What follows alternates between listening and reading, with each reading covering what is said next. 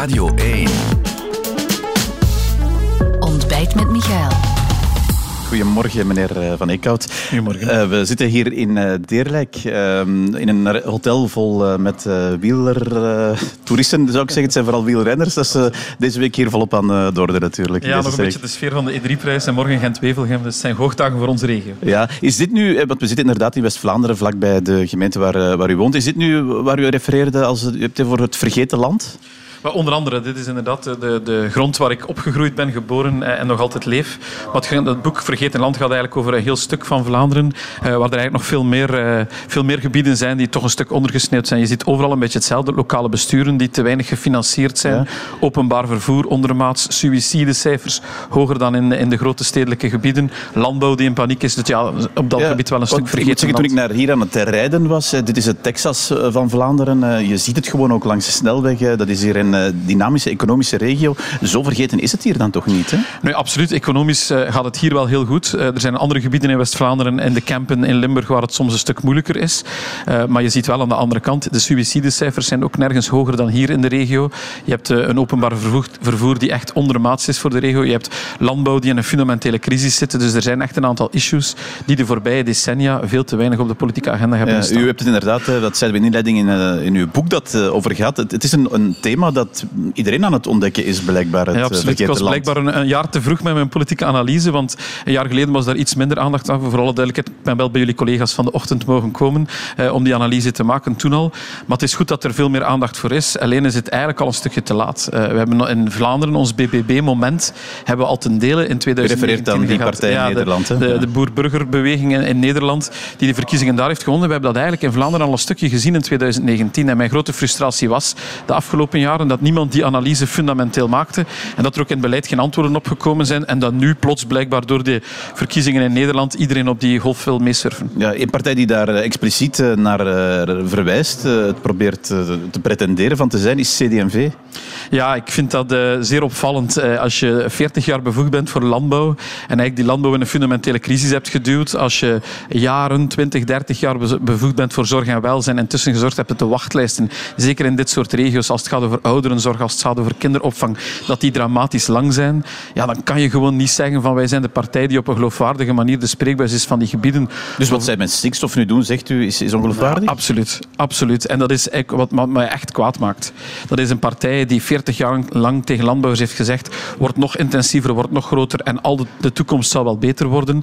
Maar eigenlijk wisten ze, we zijn het omgekeerde aan het doen van wat nodig is. Het is een partij die zegt voor een paar boompjes en een vleermuis, we gaan het stikstofprobleem niet oplossen. Terwijl ze maar is dat net niet capteren wat hier leeft, dat verzet? Ja, maar uiteraard hier. leeft het sentiment over onzekerheid in de landbouw. Maar het antwoord van verantwoordelijke partijen is niet, we gaan gewoon napraten wat er gezegd wordt. Het antwoord van partijen, zeker als ze al 40 jaar bevoegd zijn, is oplossingen vinden. Is zorgen dat dat natuurprobleem en gezondheidsprobleem... Dat de oplossingen zijn waar ook mensen ja, zich kunnen terugvinden? die stikstof zeer duidelijk is. Die landbouwsector die vraagt perspectief. Zorg dat je naar een landbouwmodel gaat die duurzaam is, die economisch leefbaar is en dat je daar de nodige ondersteuning aan geeft. En al 30 jaar lang zegt CD&V tegen die landbouwers nee, het is niet nodig, we gaan het doen zoals ze bezig zijn. Opnieuw vandaag, ze tillen het over de verkiezingen, uh, wat ze ook mogen beweren. Het mag alleen maar hun plan zijn. CD&V is op dat gebied echt de partij van de onverantwoordelijkheid geworden. Dat kan tellen, want dit is ook natuurlijk de provincie waar dat Ventilis-dossier, denk ik, de komende week op de, op de agenda zal staan. Maar ik vind dat echt stuitend. Uh, niet alleen als West-Vlaming, want het is echt spelen met de energiezekerheid van de West-Vlamingen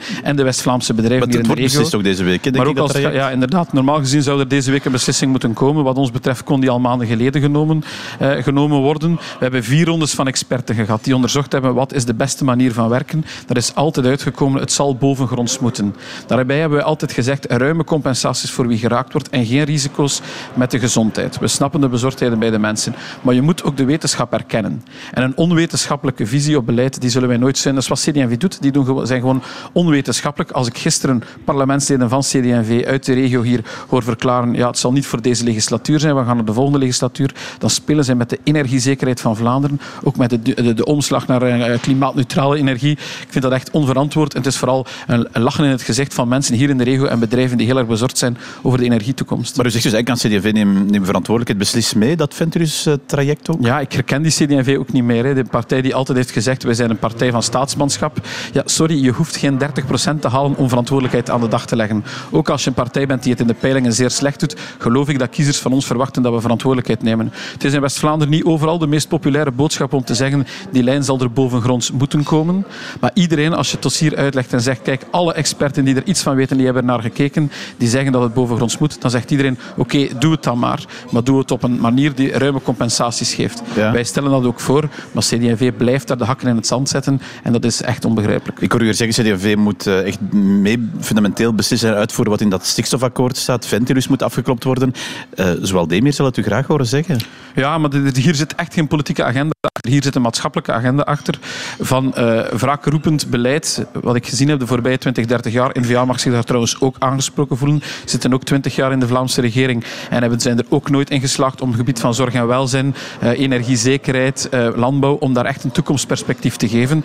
Dat is wraakroepend. En heel de regio hier, heel veel gebieden in de Kempen in Limburg, die doen een noodkreet en zeggen zorg dat er perspectief is voor onze gebieden, maar dan moet je dat ook geven. En ik vind dat op, in dat opzicht CD&V die dat soort noodkreet en toekomstig beleid ondergeschikt maakt aan een soort overlevingsstrategie op het, op het, gebied van verkiezingen, electoraal, ja, dat is wraakroepend. En dat is niet de reden waarom ik in de politiek ben gestapt. Het is wel met die CD&V, denk ik, dat u in de federale regering zit. Ja, absoluut. Uh, maar uh, kijk, uh, wij, wij, kijken naar de daden die mensen stellen. En ik kan alleen maar vaststellen, minister Krevis als het gaat over zorg en welzijn, minister Broens als het gaat over landbouw, dat ze de Vlaamse regering geen antwoorden geven die perspectief geven aan wat de sector en wat mensen nodig hebben. Ja, maar toch naar die federale regering en ook naar die relatie misschien met CD&V, want u bent er nu echt aan naar het uithalen. Um, dat betekent, neem ik aan, dat een, een herhaling van een Vivaldi-coalitie, want daar zit CD&V dan in, geen optie is voor u?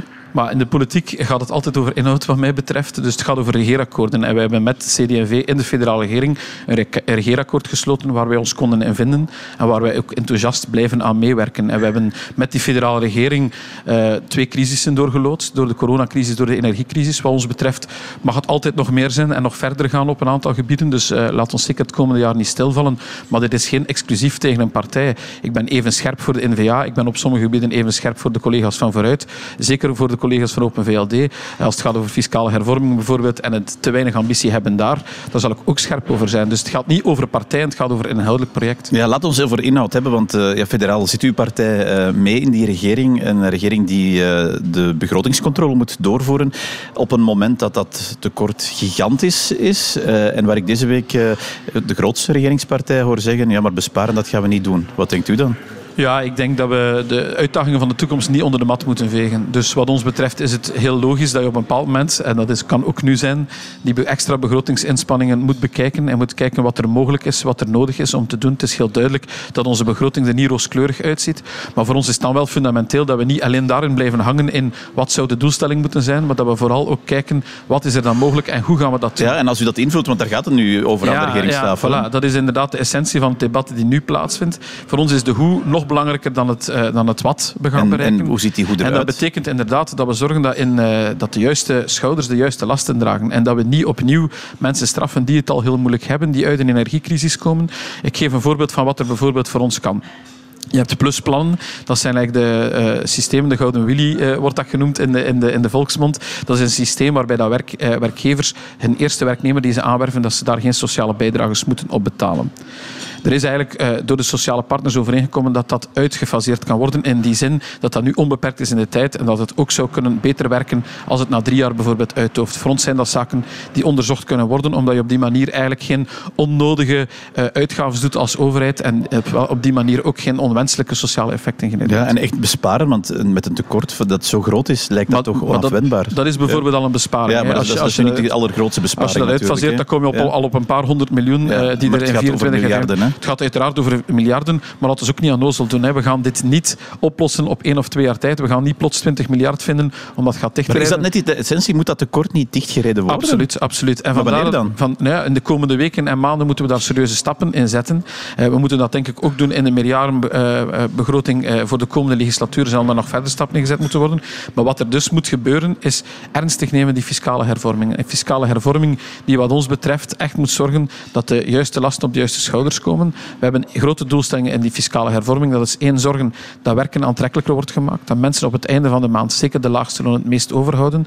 Dat bijvoorbeeld groepen die het nu moeilijk hebben, alleenstaanden, dat die meer voordelen krijgen. Je kan nadenken over het optrekken van de belastingsvrije som. Je hebt de huwelijkscoëfficiënt die uitgefaseerd kan worden. Er zitten een aantal heel boeiende ideeën in de hervorming minister Van Petegem. Maar misschien moeten we met de regering beslissen dat de lat voor ons nog hoger mag, dat we nog meer kunnen doen dan wat minister Van Petegem zegt. Een ander voorbeeld, als wij fiscale fraude echt ambitieus aanpakken, moesten wij eh, het op hetzelfde niveau aanpakken als de ons omliggende landen, dan kunnen we daar enkele miljarden per jaar meer binnenhalen. Dat betekent natuurlijk dat de begroting op die manier stelselmatig minder tekort Ja, dat zijn de fiscale hervormingen. Daar zeg je ook andere hervormingen voor. Daar hoor ik u minder eh, ambitie over zeggen, of toch nog niet zeggen. De, zo die pensioenhervormingen of de arbeidsmarkthervormingen. Ja, voor- Wat moet er daar gebeuren? Voor ons zijn er eigenlijk geen taboes als het gaat over pensioenhervorming. In die zin dat er ook, ook voor ons ook daar duidelijk is ja, op wie mikken we.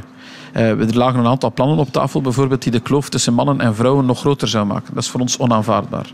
Maar dat we samen moeten nadenken op welke manier dat we onze pensioenfactuur eh, betaalbaar houden, is een uitdrukkelijke Ja, dus opdracht. langer werken is eh, daarbij een evidentie, dan, Ja, zegt u? ja, maar natuurlijk altijd wel gecombineerd met hoe zorgen we dan dat langer werken mogelijk blijft. En dat mensen niet op het einde van de rit geduwd worden in een onlever. Er zijn veel meer mensen oud door ziekte dan dat mensen oud zijn door werkloosheid. Dus laat ons op, op, ook wel een keer ernstig naar de zaken kijken en misschien nadenken dat de makkelijke analyse van mensen willen gewoon niet langer Ja. werken, dat dat niet klopt, maar dat er misschien heeft mee te maken dat sommige jobs onhoudbaar zijn geworden op een bepaald Ja, moment. maar we zien natuurlijk wel, eh, eigenlijk sinds de zomer, sinds die eh, eerste hervorming eh, van dat pensioenplan, dat er weinig beweegt, dat er ook weinig animo is om te bewegen. Het, het, de algemene analyse is toch, er gaat gewoon niet meer veel gebeuren, nog op fiscaal vlak, nog op pensioenvlak, nog op begrotingsvlak, terwijl het allemaal zo nodig is. Ja, het is heel erg nodig. En ik ben 37 jaar. Ja, maar u, u zegt het, maar u zit natuurlijk Nee, nee, de absoluut. Ja, maar ik denk ook niet, en ik, hoop dat u daar geen indicaties voor heeft, dat wij degene zouden zijn die daar de blokkage zouden doen. Nee, maar u zit natuurlijk wel mee aan die tafel, ja, ik zie een hele grote tegenstelling tussen- zeggen het moet of het moet. Ik zie een hele grote tegenstelling tussen socialisten en liberalen op dat gebied. En wat wij met bijvoorbeeld Petra de Sutter doen, is pistes daartussen zoeken. We leven in een democratie. Dus iedereen die denkt, we gaan één iemand zijn agenda realiseren, die zit in de verkeerde job, die heeft de verkeerde job Ja, gekozen. maar als het uiteindelijk leidt tot niks, tot een stilstand, want dat is het uiteindelijk. Ja, dan zal het bilan van de kiezer heel erg hard zijn in 2024. Vandaar dat we op allerlei gebieden voor cruciale weken staan. We hebben dat ook al in januari gezegd. Het is nu heel duidelijk dat blijkbaar de timing van de fiscale hervorming en, en die andere bijhorende hervorming, eh, arbeidsmarkt, eh, pensioenen, dat die een stukje tussen de paasvakantie en mei zou moeten gebeuren. Wij zijn klaar met al onze voorstellen om die daar op tafel te leggen en om te zorgen dat we echt nog iets doen. En twee, dat we ook een aantal dingen voorbereiden die van start kunnen gaan in de volgende legislatuur. Bijvoorbeeld rond fiscale hervorming heeft minister Van Petegem al gezegd de grote fiscale hervorming die komen de komende jaren. Maar er zijn nog altijd te veel taboes rond de tafel. Wil u nog twee dingen voorleggen, meneer Van Eekhout, die eh, los van al die hervormingen er ook nog moeten komen. De onderhandelingen met hoe zit dat? Ook daar staan we voor de weken van de waarheid. Het is heel Dat is al- dat is duidelijk. al lang dat Eh, dat gezegd wordt, Ja, nee, maar eh, nu, nu staan we er. eh, je, je zet telkens stappen. Er is in januari een nieuwe head of terms afgesproken met Engie. Die wordt nu ge- gefinaliseerd. Er zijn berekeningen als het gaat over, op, over welke bedragen spreken. Als het gaat over die afvalfactuur. Er wordt juridisch bekeken welke structuur de beste is. Op welke manier dat we ook kunnen zorgen dat de staat zijn broek daar niet aan scheurt. Want voor ons is dat wel het allerbelangrijkste. Wij willen een deal. Wij doen daar alles voor. Maar niet ten koste van de belastingbetaler. Wanneer ligt die er, die deal? Eh, die moeten de komende weken liggen. Ik denk dat het einde van de maand een goede focus Dat zou zijn om dat proberen rond te raken. Ja, ik denk dat, de, dat dat of de eerste week van de paasvakantie wel het momentum is om te landen. Ook omdat, als we die verlenging willen doen, een aantal technische werkzaamheden moeten opgestart worden. Ja. Iets wat er ook eh, ligt nu, is eh, die eh, verlenging voor de termijn van abortussen. Dat is iets wat bij het begin van deze regering eigenlijk een beetje ontweken is door dat eh, te laten bestuderen. Het ligt nu in het parlement. Hoe staat uw partij daar eigenlijk tegenover? Maar er ligt een heel belangrijk en boeiend eh, eh, expertenrapport op tafel. Ja. Dat wordt in de komende weken besproken in het parlement. Het is heel duidelijk dat dat rapport eigenlijk bevestigt een stukje wat de positie van mijn partij altijd is. Dat je de, de periode om abortus te kunnen laten doen, dat die eigenlijk op goed gegronde reden nog een stukje uitgebreid kan worden. Ja, dat komt daar redelijk unisono in voor in dat Absoluut, expertenrapport, Dat staat daar eigenlijk eh, unisono in. En ook dat als het gaat over de, de wachtperiode tussen de aanvraag voor abortus, dat die een stukje ingekort kan worden, omdat mensen niet lichtjes over een abortus gaan. En dus we staan als partij heel erg open voor dat standpunt. Wij hebben ook wel respect tegelijk voor de positie in de regering, die is afgesproken in de meerderheid, van we gaan dat met respect voor elkaars Dat was een vraag van CD&V voor alle Absoluut, duidelijkheid. CD&V heeft gevraagd, dus je ziet dat wij niet tegen een bepaalde partij per se willen rijden. Eh CD&V heeft gevraagd van kijk, we hebben tijd nodig om dat in het parlement te bespreken. We willen daar de ruimte voor nemen om dat grondig te bekijken. Dit is gevoelige materie, laat ons dat zeker doen. Laat ons daar geen blinde beslissingen in nemen. Maar wat ons betreft moeten we daar ook daar kunnen we stappen zetten op het moment dat dat verslag besproken is. In, Ja, in de- mijn vraag is eigenlijk, eh, gaat uw partij eh, ja, dat, dat stemmen, of, of gaat u uit eh, de lieve vrede voor CD&V dat, dat wat tegenhouden, die stemming? Goh, wij gaan eerst dat de, die commissievergadering laten doorgaan waarin het, versla- eh, het verslag bekeken wordt, toegelicht wordt en ook besproken wordt. En dan gaan wij, zo werkt het wel in een regering, in, in ernstig en respectvol overleg met CD&V gaan over hoe zij het zien. En daarna wil ik hier gerust terugkomen. Ja, maar als CD&V zeggen- vraagt, wij willen dat niet, dat die stemming doorgaat, dan gaat u zeggen, dan houden wij dat tegen? Ik heb begrepen dat CD&V nog niet uit is wat ze daar rond gaan doen. Dus laat ze eerst he- hen wel eventjes, dat is een ernstig verslag, hen eventjes tijd geven om daar naar te kijken wat daarin staat. Dan kunnen we daarover Dus terugkomen. uw, uw partij gaat ook niet op het gaspedaal duwen hiervoor? Dat heb ik nog niet gezegd. Ik heb alleen gezegd dat wij eh, op dit moment de afspraken in de meerderheid respecteren. Net zoals wij erop rekenen trouwens dat andere partijen, als het gaat over andere gevoelige dossiers, zoals de wet op de kernuitstap, dat zij ook de afspraken in de regering respecteren, dat we respectvol met elkaar omgaan binnen de eh, regels van het regeerakkoord. Oké, en zo zijn al die dossiers die eh, nu en de komende weken op de tafel liggen hier eh, allemaal de revue gepasseerd. Dank u wel, meneer Van Eekhout. Met plezier. Dit was Ontbijt met Michael, een podcast van Radio 1. Ontdek nog meer podcasts van Radio 1 in onze app en op radio1.be.